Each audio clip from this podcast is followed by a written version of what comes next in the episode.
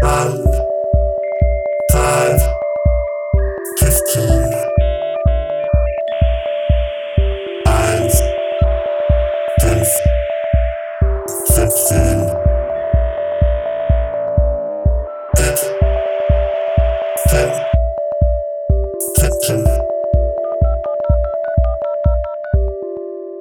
Velkommen til den tredje episode af podcasten 1515, Multimediedesignuddannelsens fremtidspodcast, hvor vi prøver at kigge 1, 5 og 15 år ud i fremtiden, men nogle gange også 7, 12 og 32. Denne gang med to gæster uden mundbind på, da vores møde, som så mange andre møder i pandemiens lange skygge, foregår på internettet gennem kollaborationssoftware – et effektivt værn mod dråbesmitte. Det første afsnit startede hjemme på Multimediedesign med CSS-ekspert Danny Winter, andet afsnit var ude i branchen med Peter Solov fra Strømlin. Nu er vi tilbage med fast grund under studieordningerne i undervisningssektoren igen.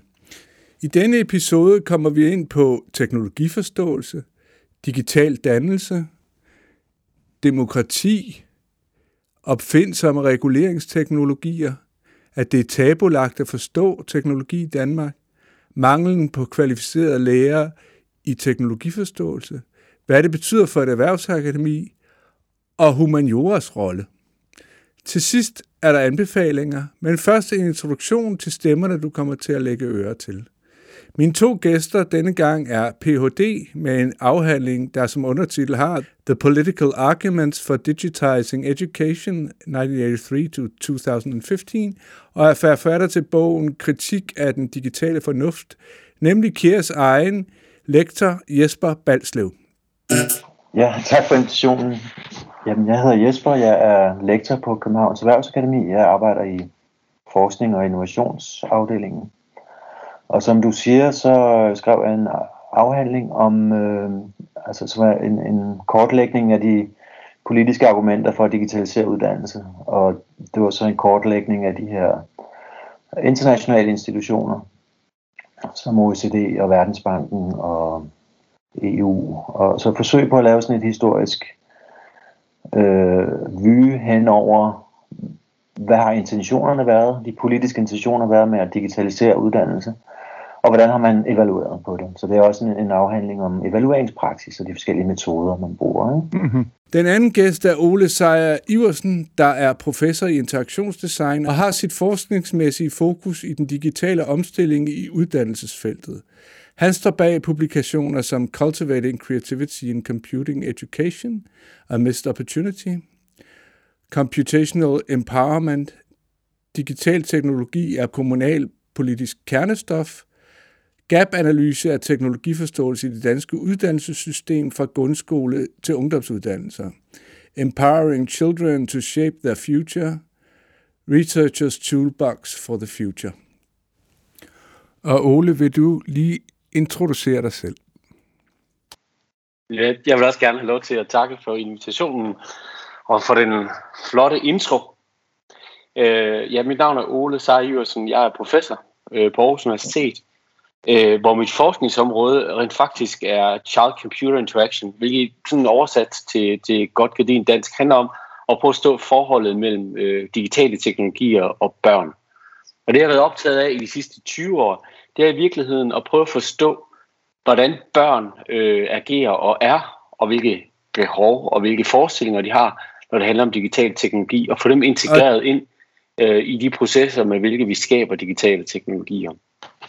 Men det, som jeg tænker, at vi skal tale lidt mere om i dag, det er den del af mit arbejde, øh, som faktisk handler om, om teknologiforståelse, som er en ny faglighed, øh, som 30-40 mennesker udviklede en gang i 2018, øh, og hvor jeg sad i formandskabet. Øh, så jeg går ud fra, at det er, det er der, vi skal tage fat. Ja, og det er faktisk det spørgsmål. Det første spørgsmål er jo, hvad er teknologiforståelse? Ud fra den forestilling, jeg har, der er øh, digital teknologi, det er ikke længere sådan et tilvalg i vores øh, hverdagsliv.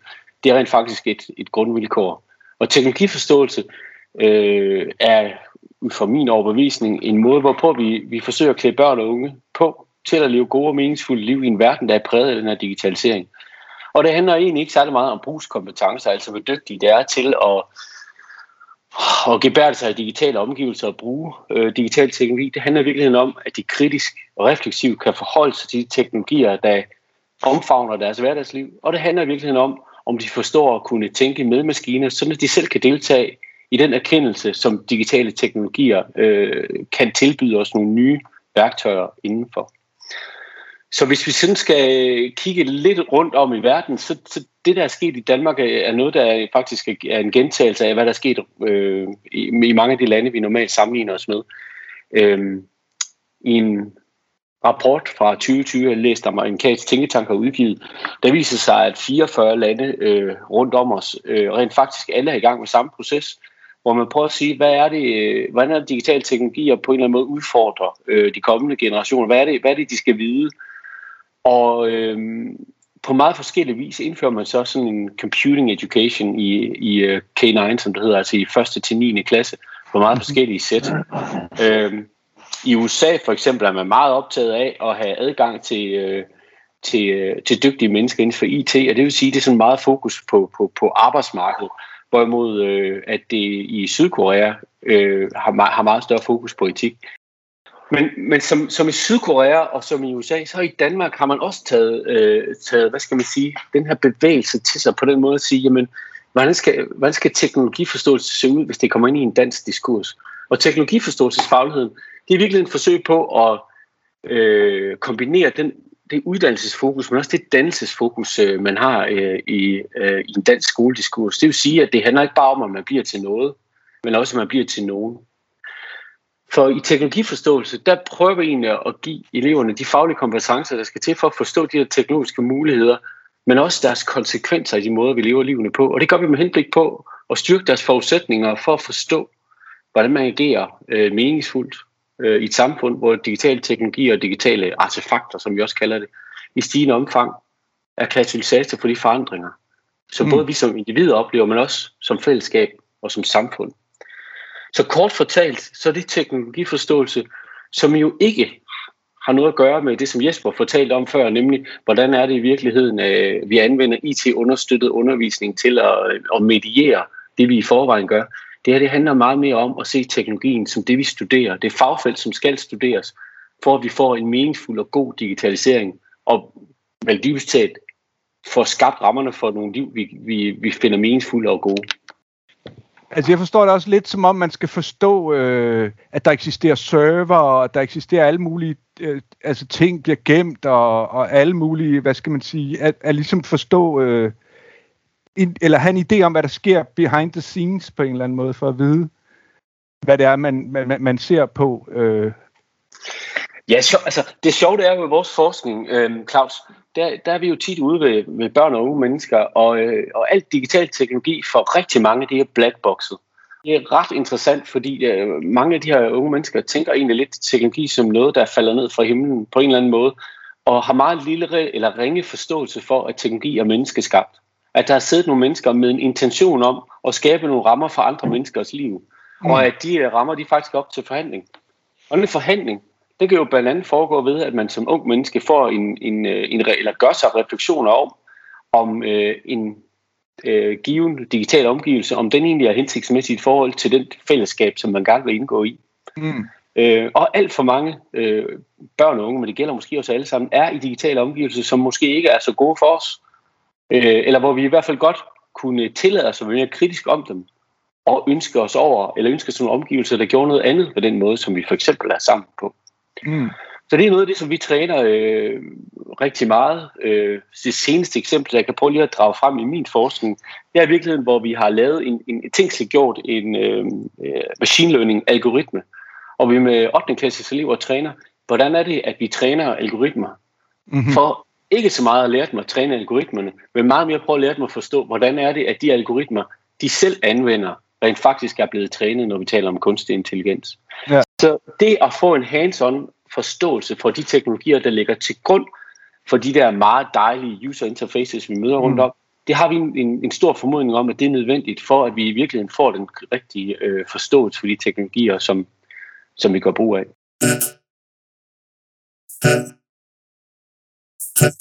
Det klassiske eksempel med det der teknik i folkeskole, det er, at man får en masse iPads, og så løser det. Og, og, og, og, og det er jo lige præcis ikke at ja, altså, bagved. Ja. Øh. Men, Nej, altså hvis jeg lige, må, hvis jeg lige må, må tage den, så synes jeg, det er rigtig vigtigt, også i, den her, i løbet af den her samtale her, skælde mellem øh, EdTech og Tech-Ed. Så mm. EdTech, det er, øh, det, er, det, det er et fokus på, at teknologierne kan IT, under, eller nej, IT-understøttelse i undervisning, altså en understøttelse af IT-mæssig undervisning. Og det, som jeg i virkeligheden taler om, det er Tech 1. Det er altså teknologi undervisning, hvor fokuset mm. er på teknologien. Jeg synes, det er rigtig vigtigt arbejde, det som Ole gør og har i gang sat. Øhm, og jeg, jeg, jeg er på Oles hold i den forstand, at, og det, det er noget, jeg virkelig har tænkt og sagt i mange år, det er, at det er enormt vigtigt, at vi gør altså digitale fænomener til genstand for undervisning, og ikke nødvendigvis til medie for undervisning. Og det, det er sådan en helt, altså meget enkelt skældende, som stadig mange har svært ved. Især på sådan nogle, hvad skal man sige, forskellige ledelsesniveauer eller politiske niveauer, hvor man synes, man skal hakke et eller andet digitalt af, så laver man i virkeligheden sådan en, ja, altså man, man køber nogle færdige pakkeløsninger, som altså måske var, var vigtigt at stifte bekendtskab med, men, men så ikke så meget andet. Altså, og, og der synes jeg, at alt, alt det underliggende er, er, er, er enormt vigtigt. Så på den måde er jeg enormt meget på, på Oles hold. Ikke? Øh, men det, som jeg synes, der er der, der er to ting, som jeg synes, der er enormt vigtige i den her debat. Og det her, den ene, det er den her, øh, til, til, altså, hvad hedder det, det her initiativ og gap-analysen, som den her kapacitetsgruppe udgav den 5. februar. Lad mig lige starte med først og fremmest at øh, komplementere Jesper for noget af det arbejde, han har lavet. Nu har jeg jo fulgt Jesper en lille smule på, på sidelinjen, både i forbindelse med hans bogudgivelse og i forbindelse med afslutningen på hans phd projekt Og det jeg er enormt optaget af, øh, af Jespers arbejde, det er den øh, kritik, som Jesper er fremkommet med, som jeg synes har fået et rigtig godt afsæt i den øh, debat, vi har i Danmark omkring digital teknologi i uddannelser. Og det, jeg synes, der er så fornuftigt, det er, at Jesper ikke nødvendigvis køber ind på, at der er et forhold imellem, hvor dygtig man bliver til at forstå og arbejde med digital teknologi, og den teknologi, som man indkøber. Og jeg er med dig, Jesper, hele vejen, når du siger, at i politiske kredse, der har der desværre måske været en for stor, øh, eller i hvert fald skal vi sige, en, en ikke klar forståelse imellem forholdet mellem digital teknologi og det at kunne arbejde kritisk konstruktivt med digital teknologi. Så lad os, lad os, lad os få det uh, out in the open der synes jeg, at Jesper har øh, som en af de absolut mest velartikulerede peget på det forhold. Og det er ganske fornuftigt, og det var en det var timely, og det var virkelig en stemme, øh, Danmark havde brug for. Øh, så så, så, så der, der, der, der er vi meget på linje. Når vi så skal diskutere i forhold til fagligheden, øh, der er det ganske rigtigt, at der, kommer, der er en masse forskellige afarter af teknologiforståelse. Jesper nævner øh, Tyskland, Danmark, øh, Frankrig, kender jeg knap så meget til. Og som jeg introducerede med, så er der også Sydkorea, man kan kigge på, som har den meget etiske vinkel, og der er amerikanerne, der har meget den her arbejdsrettede vinkel, hvor det egentlig handler om at få øh, flere programmører på arbejdsmarkedet på længere sigt. I Danmark, der har vi den her forståelse af, at teknologiforståelse basalt set skal, skal fagne både uddannelse og dannelsesopgaven. Øh, og det kræver en interdisciplinaritet, hvor den teknologiforståelse, måske er det et forkert begreb, det kan vi diskutere senere, øh, både skal fagne det øh, kritisk konstruerende, nej undskyld, det konstruerende og det kreative på den ene side, og på den anden side det analytiske og det kritiske. Og der er der blevet skabt øh, fire kompetenceområder i fagligheden, øh, som på en eller anden måde forsøger at kombinere det. At vi lykkes med opgaven? Tja, vi har i hvert fald sat en retning for det. Og i tankerne er jo, at inden for de her fagligheder, der er der skabt et albuerum med henblik på, at dygtige forskere, fagudviklere, didaktikere kan træde ind på scenen og give bud på, hvordan den bedst udfoldes i en dansk øh, skolediskurs.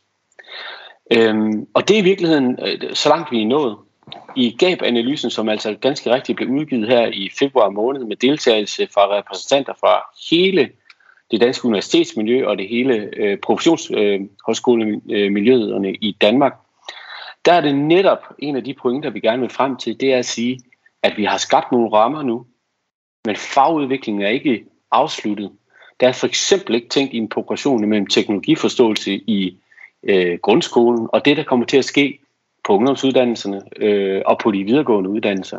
Så der har vi en opgave foran os, hvor vi egentlig forsøger at inkludere og invitere ind og så sige, hvad er det humaniora skal give, hvad er det samfundsfagene skal give, hvad er det de datalogiske miljøer kan give ind i det her, hvor forudsætningskriteriet det er, at det skal mødes i en almengjort teknologiforståelse, som er tilrettelagt i retning af en dansk grundskole, som altså både påtager sig en uddannelse og dannelsesopgave.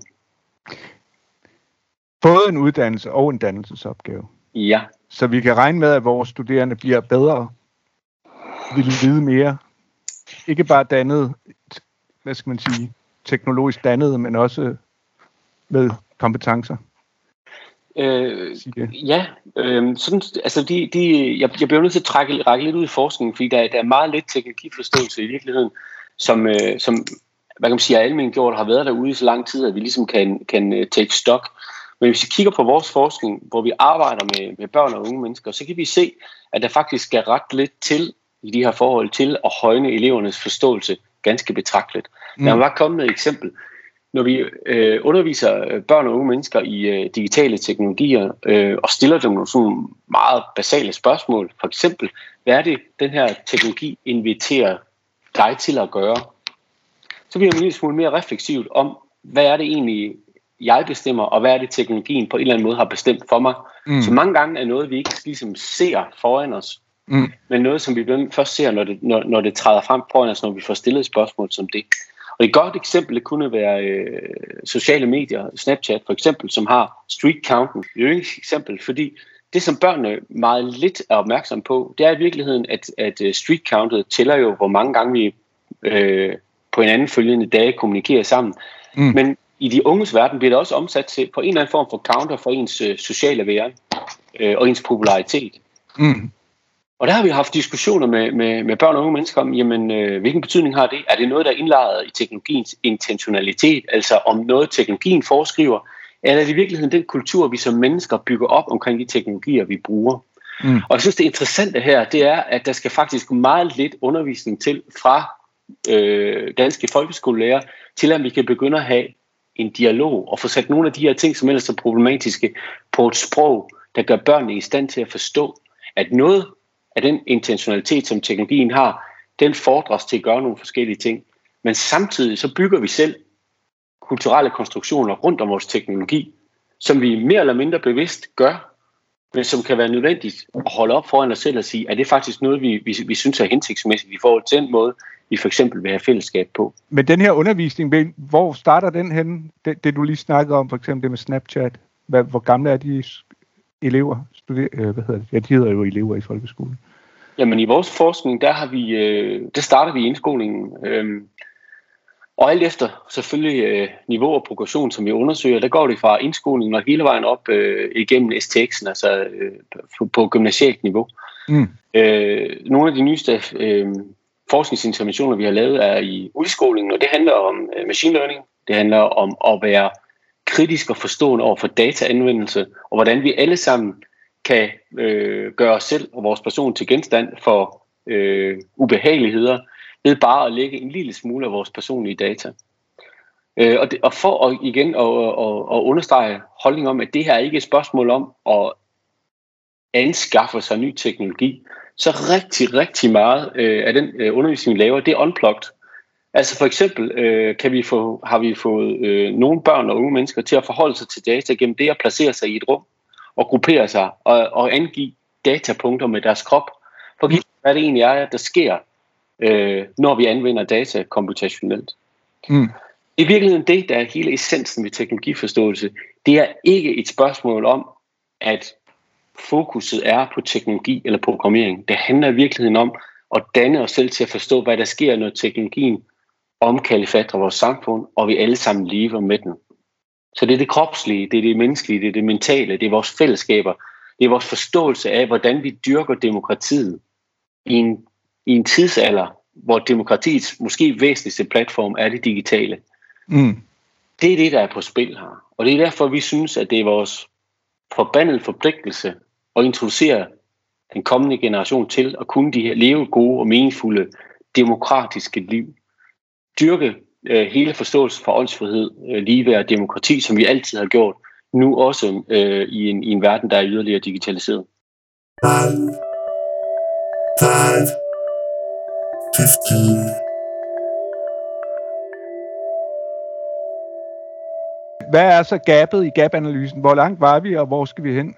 Ja, se, der, der begynder vi at komme ret tæt, tænker jeg også på noget, øh, som, ja, som får stor implikation for jeres verden, fordi øh, ganske som i samtlige af alle de andre lande, vi kigger til og kan lære fra, der er der i Danmark en massiv udfordring, når det kommer til kompetencer hos undervisere. Og det vi skal prøve at forstå, det er, at øh, til forskel fra, fra danskfaget, eller matematikfaget, eller fysikfaget, der har vi ikke selv også underviser en grundskole, eller en gymnasial uddannelse, eller et eller andet sted, vi kan ty til at sige, at her kan vi hente noget viden og erfaring ud. Det er en ny faglighed, øh, og det er en ny faglighed, som øh, er ligesom fundamental som nogle af de fagligheder, jeg nævnte, og dermed så kræver det faktisk undervisere, der er klædt på til det. Det kan vi ikke forvente, at en, øh, en almindelig tysklærer, eller for den sags skyld en underviser på jeres øh, øh, uddannelse, har. Øh, og vi må for guds skyld heller ikke lægge hvad skal man sige, ansvaret over til den enkelte underviser og sige, jamen det må du så finde ud af. Så der ligger og forestår i, øh, i Danmark en stor udfordring med at få klædt folk på til at kunne undervise øh, på højt niveau i forhold til teknologiforståelse. Det gælder faktisk hele vejen fra grundskolen og hele vejen op til de videregående uddannelser. Så det der gabet er nu, altså det er over, hvad skal man sige, overhovedet at få etableret øh, nogle lærere, som kan undervise eller etablere den faglighed? Hvis, hvis jeg skulle pege et ud af mange gab, så det var, at, at den største udfordring er for os som samfund, det er, ligesom man har oplevet i England, og i øh, mange andre steder, det er at få nok kvalificerede mennesker, der forstår at undervise i teknologiforståelse ind i vores respektive uddannelsesinstitutioner. Og så er det naturligvis også at skabe et, øh, et funderet forskningsmiljø på tværs af professionsskoler og på tværs af universiteter i Danmark, som kan bidrage både til den didaktiske udvikling, men også til almengørelsen af, af teknologiforståelsesfagligheden. Så der skal laves en eller anden form for teknologiforståelsesselskab, der kan gå på tværs? Det, der skal ske, det er, øh, efter min mening, øh, det er, at man skal skabe øh, en infrastruktur, der gør, at vi i Danmark øh, på kryds og tværs af vores forskningsinstitutioner kan samarbejde om at udvikle den her faglighed. Men øh, det skal ikke være noget, der er isoleret og monolitisk. Det skal være noget, der skal foregå på samme præmisser som al forskning i øvrigt. Det vil sige i et internationalt miljø, øh, hvor man tør tage diskussionen med øh, allerede eksisterende arbejder derude øh, i verden. Five, five, 15. Jeg ved ikke, om Jesper vil byde ind. Noget af det, noget af det indtryk, jeg, jeg bliver øh, efterladt med, da jeg læste GAP-analysen, ikke? Siger man GAP? GAP-analysen. Og det, Ole, det er fordi, at, at det du måske ikke ved om vores institution, ikke, det er, at, at hvor vi satte i verden for, hvad skal man sige, praksisrettet viden. Så, så altså vi, øh, vi har en masse, altså vi uddanner en masse fagligheder, altså digitale fagligheder, men også byggefagligheder og tekniske fagligheder. Og, og der er meget af, altså det vi skal i virkeligheden forholde os til, det er, altså hvordan løser vi problemer i praksis? Og og der er sådan et eller andet, øh, altså det, så det er meget det, den optik, jeg, jeg kan læse sådan dokumenter med. Ikke? Og det, det, som jeg synes, der mangler i gabanalysen, og i rigtig meget digital tænkning i det hele taget, det er, øh, hvad skal man sige, det jeg vil kalde negative handlinger, regulering, øh, afkald, øh, forbud, alt sådan noget der. Ikke? Øh, hvis vi kigger på øh, bilen som teknologisk artefakt i dag, ikke? så er den, så er, jeg vil sige, et flertal af dens teknologier er negative teknologier. Det er teknologier, der skal forhindre den i at lave ulykker og køre for stærkt og parkere ordentligt uden at ramme andre biler osv. Der er enormt få af de teknologier, der er pakket ind i bilen, som i virkeligheden har noget med den grundlæggende kompetence, som handler om at komme fra A til B. Der er en stor del af vores landskab, som består af lyskryds og fartgrænser og så Og det er helt normalt i alle mulige modne teknologier, at der er, et, et, altså, hvad skal vi, at der er en eller anden balance mellem det regulerende og, og hvad skal man sige, grundkompetencen. Ikke? Og der synes jeg meget tit, når det kommer til sådan digital tænkning, så, så, så er det nærmest tabu i Danmark at, at forstå for eksempel skærmteknologien. Det, som jeg, jeg gerne vil lægge hovedet på blokke på, det er, at i forhold til at huske en tekst for eksempel, så læser man bedre på papir. Altså der, der er et eller andet sådan grundlæggende papirteknologisk, som er super værdifuldt i forhold til hukommelse. Ja. Og der mangler vi, der er vi enormt svage og enormt, enormt fattige på opfindsomme reguleringsteknologier. Altså, hvordan kan vi lige slukke for det der, når vi ikke har brug for det? Og der er et eller andet med, synes jeg nogle gange, at, at debatten bliver øh, mudret uklar af en lobby, som er meget lidt glad for at blive reguleret, meget lidt glad for, at nogen påtager sig autoriteten og siger, for at kunne programmere det her, så skal I lige slukke, fordi nu laver vi børn et skuespil. Eller et rollespil, ikke? Og, og der er sådan noget der, med, som, som jeg mangler meget, meget mere begrebsliggørelse omkring, som er de der negative teknologier, og menneskeforståelse, som jeg kan se, der er nogen, der snakker om på LinkedIn. Og, og i virkeligheden, hvordan teknologiforståelse ikke fører til techno-bias. Altså, at vi også har det der enormt skarpe blik på, at der er simpelthen, der, der, kroppen selv er jo et, et sådan øh, en kæmpe kompleks samling af alle mulige teknologier, som kan en masse ting. Ikke? Det, er, det er enormt interessant, det du siger, Jesper. Øh, du siger virkelig to ting. Jeg har godt tænkt mig at prøve at kommentere på begge ting. Du øh, taler først om, øh, hvad der er kendetegnet for jeres uddannelsesinstitution. Du siger, at øh, I har sådan praksisrettethed, øh, både ved at skulle give viden til folk, der skal beskæftige sig professionelt med digitale teknologier, med byggeteknologier, med tek- teknik osv. Hvis jeg prøver at kommentere lidt på det, så kan jeg godt tænke mig at prøve at parre teknologiforståelses øh, fagligheden i retningen af noget, som, som kunne, jeg kunne forestille mig, der skulle ske inden for jeres verden. Fordi sådan som jeg oplever det, så er der i teknologiforståelse øh, nogle strømninger, vi har behov for. Der er det almen dannende, som jo meget naturligt finder sted i en grundskole, første til 9. klasse, hvor vi siger, jamen det der med arbejdsmarkedet, det skal vi slet ikke, øh, det skal vi slet ikke kigge på endnu. Nu handler det om at få nogle, øh, nogle mennesker ud, der finder ud af, hvem de selv er, og hvem de er i forhold til andre osv. Øhm, Hvorimod når vi kommer lidt længere op i vores, vores, vores uddannelse, der øh, kan vi godt tillade os at tænke, øh, det gør I jo også allerede, ikke? Øh, der, der kommer også et liv efter det, at vi uddanner os, hvor vi skal ud på et arbejdsmarked og forhåbentlig bidrage konstruktivt, både til vores eget liv, men også til, til, til samfundsøkonomien. Og jeg tænker i virkeligheden, at der kommer teknologiforståelse ind på en lidt anden måde, fordi hvor det almen dannende, den retning, den, den sådan særligt dyrkes i grundskolen, så tænker jeg meget mere, at på jeres uddannelsesinstitutioner, der skal der udvikles både en didaktik og måske også et tweak på teknologiforståelse, der er meget mere går i retning af at sige, hvad vil det sige at være øh, udøvende inden for en profession, hvor teknologi er et grundvilkår. Øh, nu, nu nævner jeg sikkert en helt forkert uddannelse i forhold til, til jeres øh, øh uddannelsesinstitution, det beklager jeg meget, men hvad er det for eksempel at være sygeplejerske, når teknologien kommer ind og påvirker forholdet mellem den professionelle og patienten? For det ved vi, det har stor effekt. Øh, blandt andet når beslutningsstøtten træder ind i, i, i sundhedssektoren, altså det, at lige pludselig begynder vi at bruge øh, prædiktive teknologier til at øh, diagnostisere osv., det har stor betydning for, hvordan vi ellers som mennesker er. Eller hvad sker der, når kirurgen øh, er en robot, og jeg ikke længere kan kigge, kigge øh, øh, kirurgen i øjnene, da, da, opererer mit knæ. Hvad, hvilken betydning har det for mig, øh, for lægefagligheden og i, i det hele taget øh, det mellemmenneskelige væren?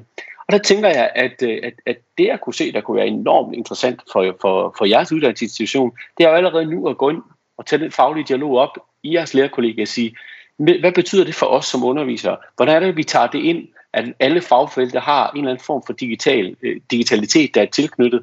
Vi har mulighed for at kende med teknologierne inden for alle faglighederne. Hvordan er det, vi skal tage det ind? Hvordan skal vi undervise med det? Hvordan kan vi styrke vores faglighed?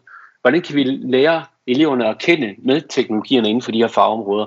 Det synes jeg er enormt interessant, og jeg har ikke nogen svar. Det tror jeg faktisk ikke, der er nogen øh, i verden, der har. Det er, en, det, er en, det er en fagudviklingsproces, som vi som undervisere skal være nysgerrige på øh, og bidrage med. Måske skal vi dyrke det som en slags holdsport. Noget vi gør sammen. Noget vi taler om sammen.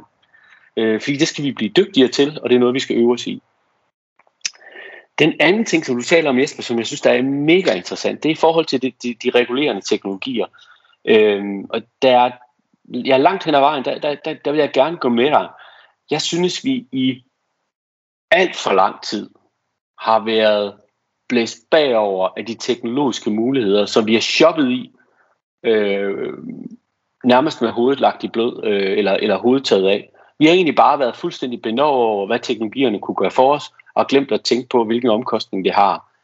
Øh, det, der så egentlig er sket øh, med Subarna Subovs bog, øh, blandt andet, og også noget af det arbejde, Jesper, du selv har lavet, det er, at vi begynder at blive, øh, skal vi sige, mere eftertænksomme omkring, hvilke mulige effekter teknologien også kan have på os. Øh, jeg plejer jo at sige øh, til nogle store overraskelser, at noget af det vigtigste, når man designer digital teknologi, det er jo det, jeg underviser i, øh, interaktionsdesign. Det er jo ikke så meget at lære vores studerende om teknologierne, men meget mere at lære dem om adfærdspsykologi.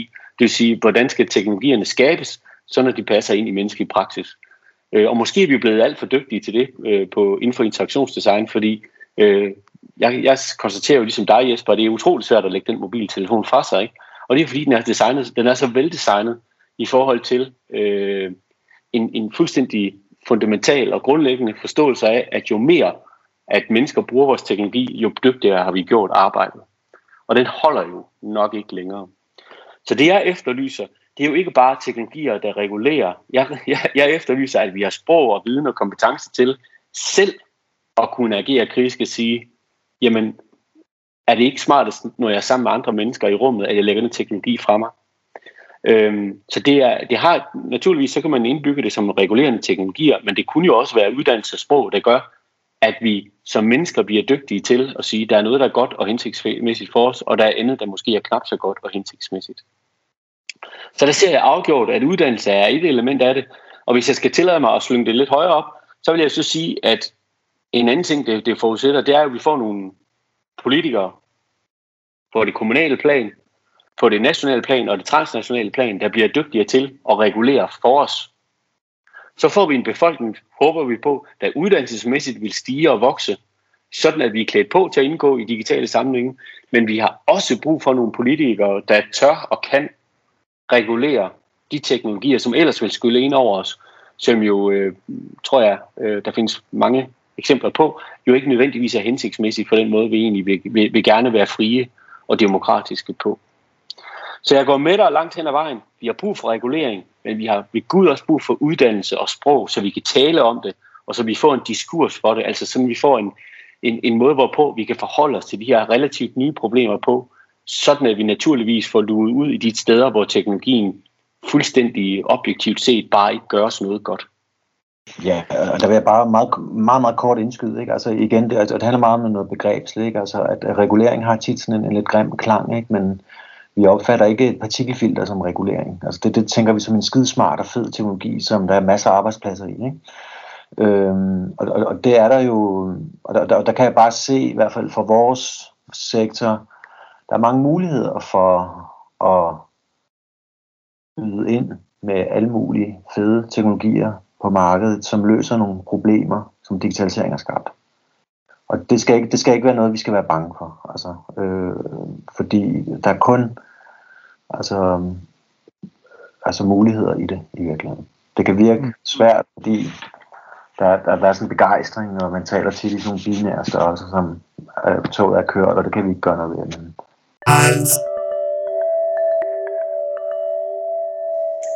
I vores, øh, hvad hedder det, studieordning lige nu har vi for MMD-uddannelse for eksempel et teknologi punkt, der hedder fagområdet indeholder forståelse for og udforskning af teknologier, der indgår i digitale medieproduktion, produkter og produktion til digitale medier.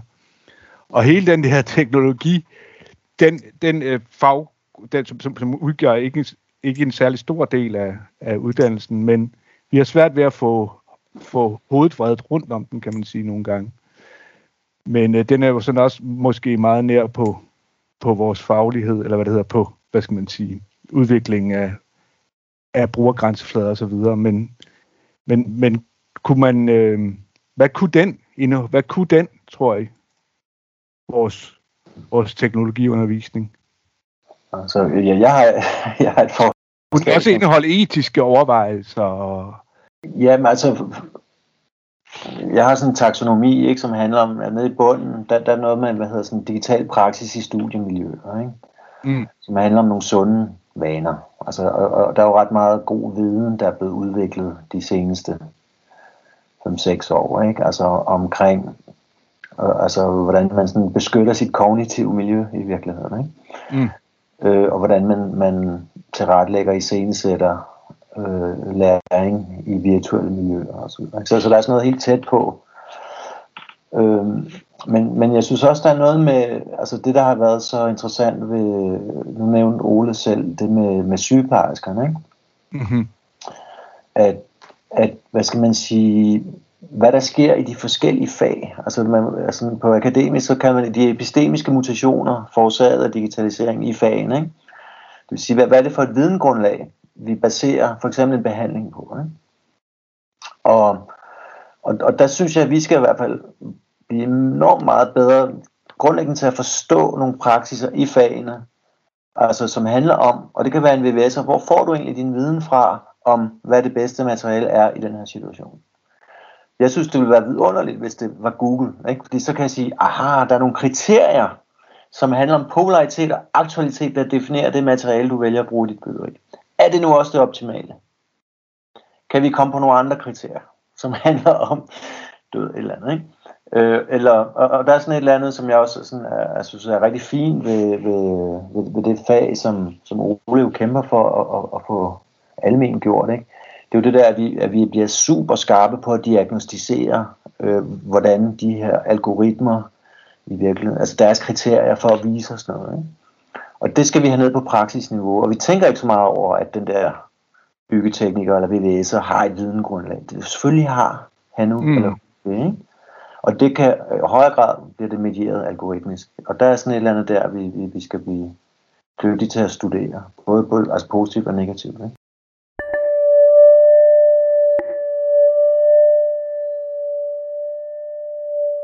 Det, det, hvis jeg må tillade mig at erklære mig enig, uh, Jesper, øh, jeg, det, det, det synes jeg, du har helt ret i, og jeg synes, du har, du har fat i, i noget af det interessante.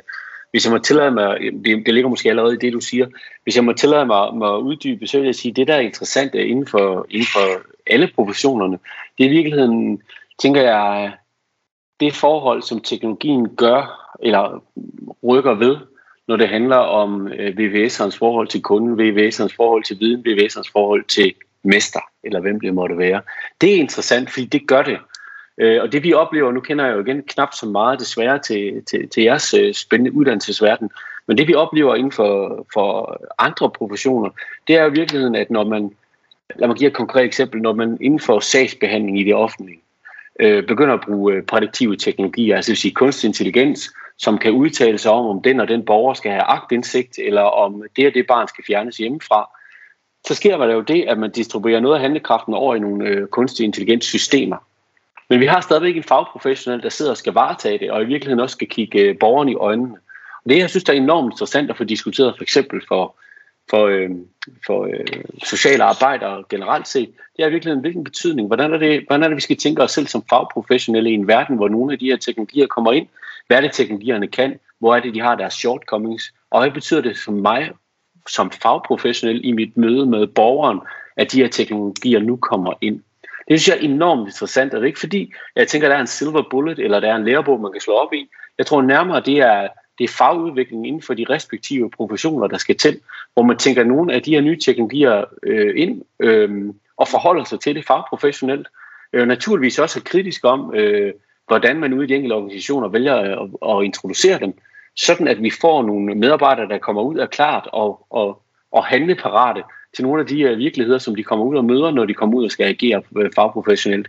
Og jeg har simpelthen ikke nogen grund til at tro, at det ikke også er gældende for de uh, studerende, som I har på jeres uddannelsesinstitution. Det vil sige, at det eksisterer allerede, at man, man, man behandler, hvad hedder det, sagsbehandler med, med kunstig intelligens. Det, ja, det sker allerede. meget, meget skræmmende, men, men det er nok det, også, jeg ikke ved. Ja, og det, det, det er jo så igen der, Claus, at vi skal passe på med ikke at, øh, hvad kan man sige, at indtage en, en skræmt position, fordi igen, mm. det her, det her bare teknologi, og hvis, hvis man skal dumme det down og tage den, den sådan 101-udlægning af, hvad det egentlig er, der sker, så har du et stort datasæt, som du har øh, kigget på og behandlet komputationelt. Øh, og det er der biases ved, og der er sikkert nogle ting, det kan, og noget, det ikke kan. Og det mm. introducerer man så for at give et nyt værktøj til socialarbejderne ude i vores kommuner. Det synes jeg, der er enormt interessant, fordi jeg synes, at alle de teknologier eller værktøjer, vi kan få ind, der kan, der kan gøre øh, borgerservicen bedre eller velfærden bedre, det synes jeg, der er afgjort, at vi skal, vi skal omfavne. Men vi bliver bare også nødt til at forstå, at et værktøj, øh, eller for et skyld en algoritme, kunstig intelligens, er jo ikke bedre det datasæt, det bygger på, og Nej. de mennesker, der har skabt dem. Og de er altid skabt med et formål, og der kommer det så ind igen. Jamen, hvad er det, hvordan er det, man som, øh, som socialrådgiver for eksempel får bedre adgang til at forstå de algoritmer, der, som bliver introduceret ind i ens arbejde. Og det er der, jeg taler for en, øh, skal vi sige, ja, en, en, eller professionsorienteret teknologiforståelse, der klæder hver eneste profession på til at kunne gå ud på et arbejdsmarked, hvor det her det enten er introduceret, eller hvor det vil blive introduceret. Så de er i stand til at, at, at, at kvalificere og vurdere, hvad der kommer ud af den. Præcis, og fagne det, og, og være, være opmærksom på de biases, uh, intentionelt eller uintentionelt, der er indlejret i, i, i, i kunstig intelligens for eksempel. Mm. For det ved vi alle sammen godt, det er. Vi ved også godt, at, at tingene ikke øh, fungerer, og selv teknologien er jo øh, stærkt fejlbarlig. Mm. Men, øh, men det vores forskning viser, det er, at vi helt ned i 8. klasse kan arbejde med og, øh, hvad skal man sige, algoritmerne og være kritisk om dem og, og forstå, hvilke skabelsesprocesser ligger til grund for det. Og det ser jeg jo i virkeligheden, at, at det er noget af det, man sådan virkeligheden kan, kan, kan, kan bygge ind i progressionen i teknologiforståelse, sådan at når de kommer på jeres, styrerne kommer på jeres uddannelsesinstitution, så bliver de mødt af professionelle undervisere, der forstår at tage den der almen dannende teknologiforståelse, og så køre i en retning af, af professionsorienterethed. Mm. Så når man arbejder med, med, med problemstillinger, der er relevant lige præcis for den profession, som man har. Ja, Jesper? Jamen, jeg vil også sige, at altså, der, nu, nu igen meget navlebeskuende fra vores institution. Ikke? Altså, endelig, der, endelig. Jeg kan se øh, alle mulige nye muligheder. Ikke? Øhm, af, af mange forskellige årsager, men altså det, det, det der med udvikling af, hvad skal man sige, lokale kontekstuelle teknologier, i modsætning til, til global platformsteknologi. Øh, altså der har været en tendens til, at man har tænkt, at vi universelt bare skal adoptere platformsteknologi, og så vil der være nogle big data, øh, hvad skal man sige, øh, gunstige effekter for os ved det. Men og, og jeg tror, der er noget med en bæredygtighedsdagsorden, der er noget med den der super-dagsorden, som handler om at privatisere data bedre osv., som kan give anledning til en hel række nye teknologier, som, altså, som er digitale, hviler på nogle digitale øh, logikker og teknologier. Som, altså, det, er jo, det er jo sådan noget, man kunne kalde jeg tænker, der er sådan ret stort, der må være et stort marked for forskellige sådan single task digitale artefakter, Altså ligesom et æggeur, ikke? det kan kun én ting. Og det er det der, og, og, og en tommestok, altså det, det er fuldstændig vidunderlige værktøjer i forhold til en smartphone, fordi øh, de, de er simpelthen så stabile og pålidelige, de kun viser lige det, man har brug for i en bestemt kontekst. Og der kan jeg begynde at forestille mig rigtig mange fede digitale teknologier, som også er lidt længere var, altså som er lidt mere varige. Øh, og, og, og der ser jeg bare utrolig meget udviklingspotentiale hvis man forlader præmissen om den globale platformsteknologi, er bare det, vi skal plukkes ind i som nation, og så er vi med i den globale konkurrence. Det virker jo mere som om, man hugger alting op med hinanden. Jeg, sy- jeg synes i høj grad, det går den anden vej. Det synes jeg også, men, men det, det tror jeg, er, altså, og, og, og det selvfølgelig er der også, det uddanner vi også folk i, altså, men, øh, men jeg kan bare se, at der, der er sådan et eller andet bære, rent bæredygtighedsmæssigt, så kan jeg se, at der kommer et loft inden for 5-10 år, altså, som handler om, vi kan simpelthen ikke bruge så meget strøm på et, et ægur, der skal være koblet op på nettet og afgive data. Det er altså, bæredygtighed. Altså god gammeldags øh, ressource. Ja. ja, ressource, ja, præcis. Ja.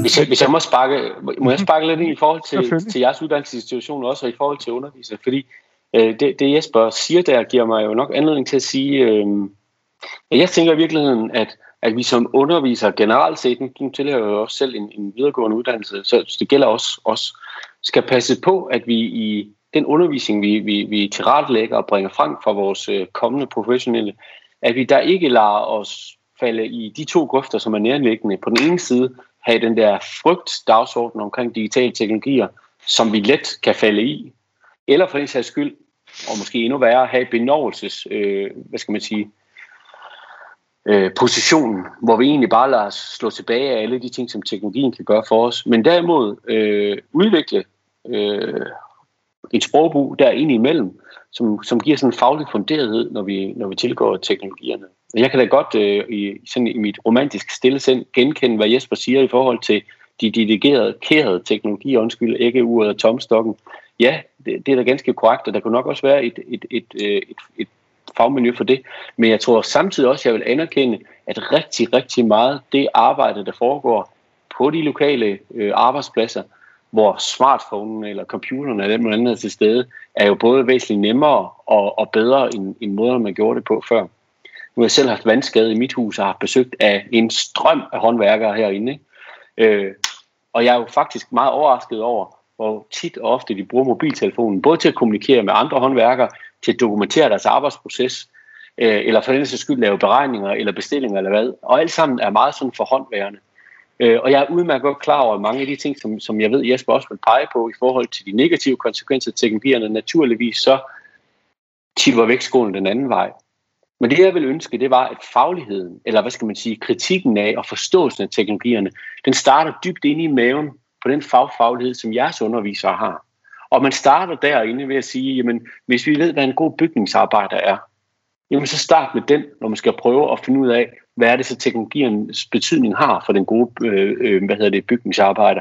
Hvor er det, at der er nogle øh, konsekvenser, som vi bliver nødt til at tænke lidt længere over. Hvor er det, vi kan sige, jamen her er der virkelig nogle muligheder, vi skal prøve at udfolde. Øh, så, så er jeg ret sikker på, at så, øh, så får man sådan en god dansk, solid, kritisk forståelse af, øh, af den profession, man skal ud og have. Så det, det er det, jeg gerne vil appellere til, også i forhold til jeres undervisere, det er start i det, du kan. Start i den professionelle kompetence, som du måske har undervist i i mange år. Og derudfra, så vær nysgerrig på, hvad er det for både positive og negative konsekvenser, som teknologierne kan have på et fremtidigt arbejdsmarked eller i fremtidige erhverv øh, for den enkelte studerende. Men hele den der frygtbenovelsesdualitet, den er vel også, øh, kommer vel også ud, det er vel netop formålet med den, den digitale dannelse at udrydde den, og se, se den digitale hammer for, hvad den er. Eller hvad skal man sige, at man bliver mere digitalt dannet, skal også gøre, at man ikke får den der angst for computerhunden, der skal lede den blinde og så videre. Præcis. Altså jeg, jeg tænker sådan meget på, at, øh, at inden for litteraturen, der har vi jo i, i mange årtier, hvis ikke i århundreder, undervist studerende i øh, på et fagligt grundlag at forstå, hvad litter, altså de budskaber, som litteraturen vil give os. Det, som den enkelte forfatter vil, vil, vil sende videre gennem sine mhm. skrifter. Mm-hmm. Og det gør man jo ved helt konkret at gøre, have analysemodeller, berettermodeller, hvad ved jeg. Øh, og det gør jo egentlig, at, øh, at vi har lært generation efter generation at forholde sig kritisk til litteratur. Og det jeg egentlig beder om, det er, at vi får samme sproglighed og samme analysemodeller og samme dygtige, dygtige didaktikere ind over det her felt, og så sige, hvad er det egentlig, der skal til, hvis vi skal sprogliggøre det her digitale område? Sådan at, øh, sådan at vi hverken på den ene side øh, falder bagover benovelse eller af frygt, når vi øh, støder på det. Og nu har, nu har Jesper taget en bog frem, vil du måske lige sige?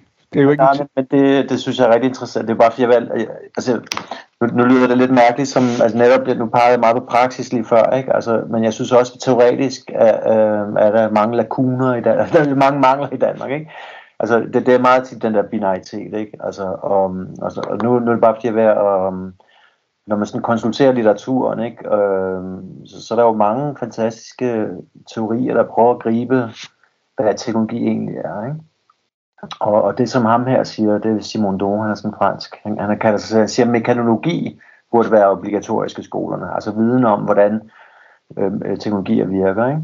Og der siger han også, at han, kan nemlig også blive højstemt som Ole og sige, altså det som teknologi er, det er jo en, det er jo en intention fyldt med altså håb om fremtiden og, og har teorier om skønhed og, og, og, og samfundsmæssige værdier by, i sig. Det er samme slags udtryk, som vi skal kunne afkode.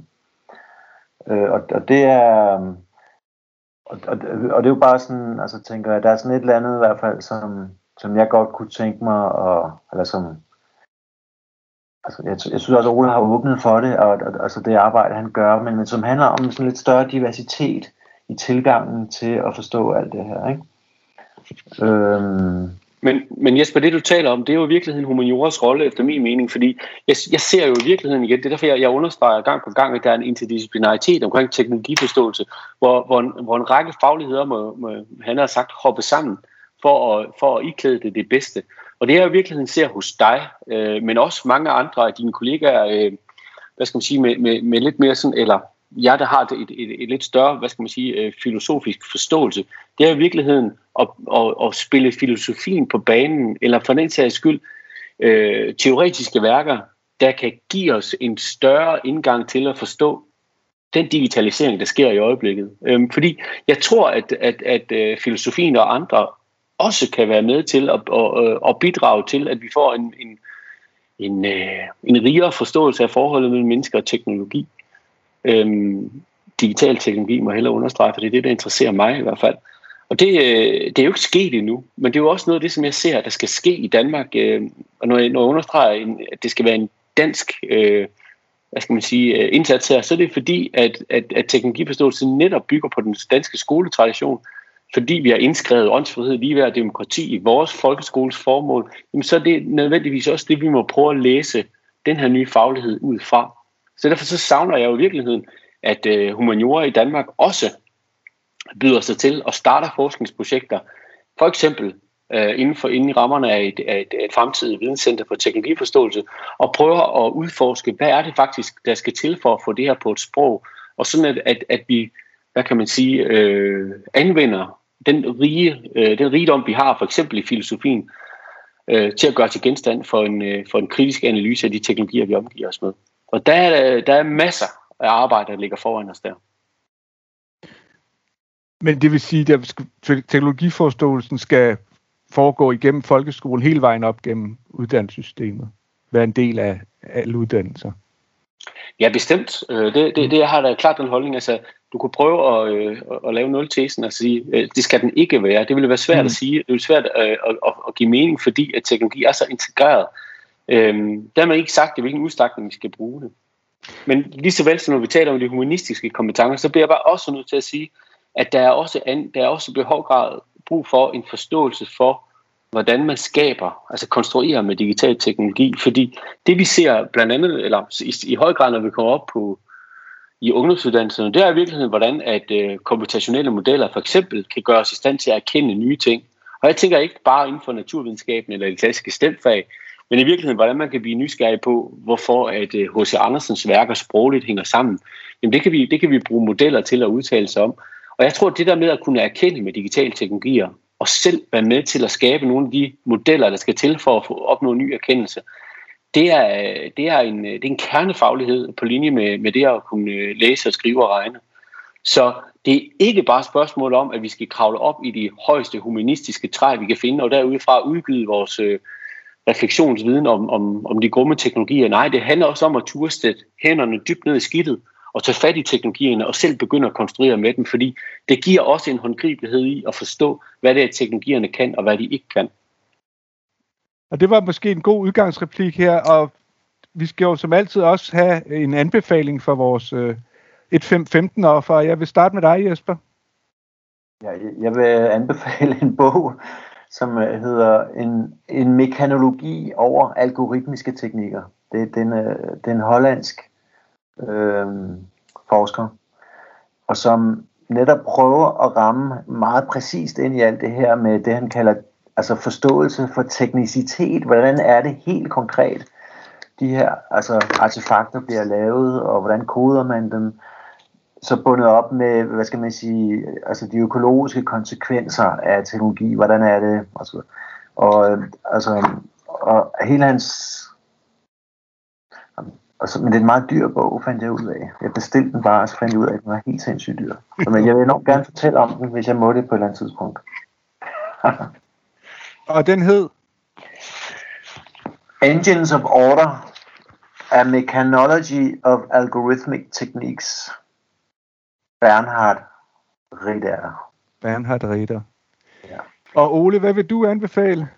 Ja, men når man har læst øh, den bog, som Jesper har anbefalet, så vil jeg, øh, så vil jeg bidrage lidt til morskaben i familien og sige, at jeg synes, man skulle prøve at downloade en lille plugin til øh, den browser, der hedder Firefox et, en plugin, der hedder Lightbeam. Og Lightbeam gør det muligt at tracke dem, der tracker os, når vi er på internet. Så kan man jo installere den på sin søn eller datters eller ven eller venindes computer. Lad dem bruge computeren, som de plejer. Og efterfølgende prøve at kigge lidt på Lightbeam og se, hvem der egentlig følger med, når vi søger på internet. Og hvorfor er det en familieaktivitet? Jo, fordi at jeg synes, det er nødvendigt, interessant og relevant, at vi alle sammen kigger lidt på, at når vi er på internettet, så er det ikke noget, der er gratis. Så betaler vi. Og Lightbeam er en hyggeaktivitet for familien, hvor vi alle sammen gør os bevidste om, at vores opmærksomhed og vores digitale aftryk, de betaler for festen. Det var over i frygtafdelingen. det var men, det. men øh, jeg er helt sikkert, øh, hvad hedder det, øh, tankevækkende. Glæder mig ikke til at se, hvad min søn Firefox, hvor den har været henne. Men øh, tak skal I have, Jesper Balslev og Ole Seier Iversen. Selv tak. Selv tak. Det var Multimediedesigner uddannelsens fremtidspodcast 1515. Del podcasten med en ven, hvis du kunne lide det, du hørte. Din vært var Claus Mandal Hansen.